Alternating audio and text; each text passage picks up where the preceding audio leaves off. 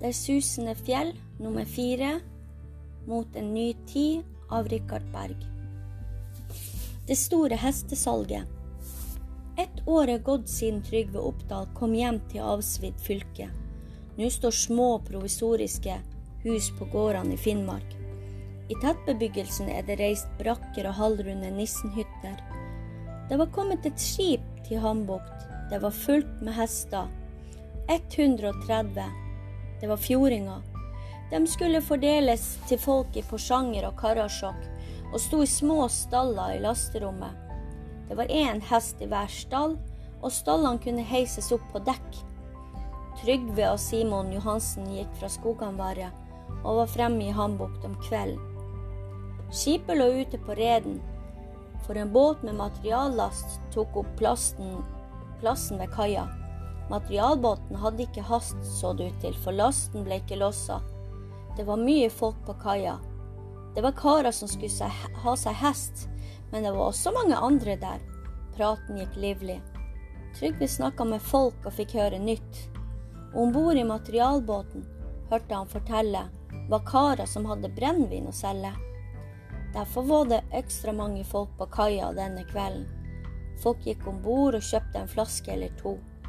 Mannskapet hadde kjøpt brennevin på polet i Tromsø, og nå gjorde de gode penger. En arbeidsgjeng fra Lakselv bodde i en brakke som sto avsides fra veien. Trygve og Simon gikk dit, for der var det mange kjente, og der fikk de seg en kopp kaffe. Så ville de ned på kaia igjen. De lot Ransland ligge igjen i brakka, for døra ble låst, og det var tryggere å la Ransland ligge der enn andre steder.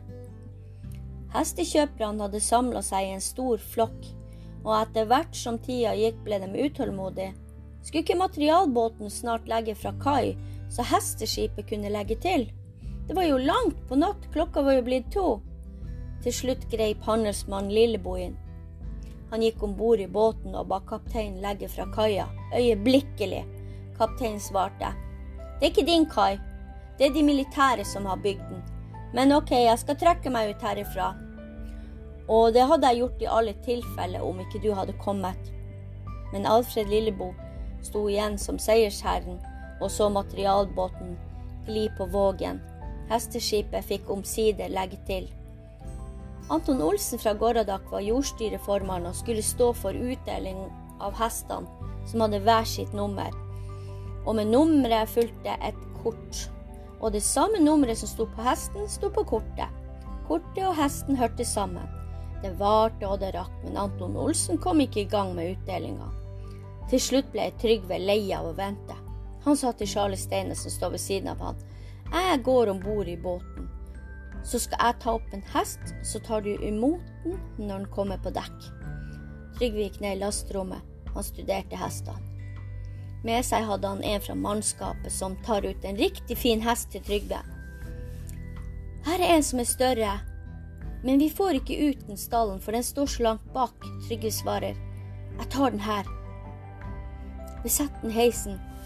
Så skal jeg gå opp på kaia og ta den imot. Stallen kom opp. Trygve tok grimet på hesten han leide den i land og gikk oppover bakken. Da Anton Olsen ropte etter han. Hva det her skal bety? Du får ikke gå noen sted med den der hesten. Trygve hørte ikke etter og snudde seg ikke. For hadde han snudd seg, kunne Anton trodd at han hørte det. Han gikk til arbeidsbrakka, for han skulle bare inn og hente ranselen sin. Anton ropte at hvis han ikke kom med hesten, så skulle han nok komme hjem til han og hente den. Men det trodde ikke Trygve at Anton ville gjøre. Å gå mange mil for å hente annen manns hest, det var noe man ikke gjorde. Han hadde tenkt å gå direkte hjem til Skoganvar så fort han fikk tak i ranselen, men så var brakkedøra låst. Det hadde han glemt. Og alle arbeiderne var nede på kaia. Han bandt hesten sin fast i en bjørk. Da Anton så det, ropte han til Trygve. Du kan ikke få den der hesten. Vi skal ha loddtrekning. Men da må dere jo begynne, ropte Trygve tilbake. Klokka er jo over to. Ja, svarte Anton, loddtrekninga skal begynne snart. Men problemet var hvordan skal det foregå? Det ble stående på kaia og fundere. Trygve gikk bort til Anton. Det er plass til alle hestene der jeg bitta min fast. Det er bjørk nok der, så det er bare å sette dem fast der. Dere trenger ikke å bitte fast alle, for de holdes når noen er fast. Hver hest hadde fått skåret sitt nummer i pelsen. Trygve sier til Anton. Hva er det du spekulerer på nå? Ta hit en kasse. Anton henta en kasse som han kom bærende på. Trygve sa vi legger alle kortene i, kassen, så kan vi trekke, og så får vi leite i hesteflokken etter det samme nummeret. Han skyndte seg å trekke først, og han leita til han fant kortet med nummeret til hesten som han hadde bundet fast i bjørka.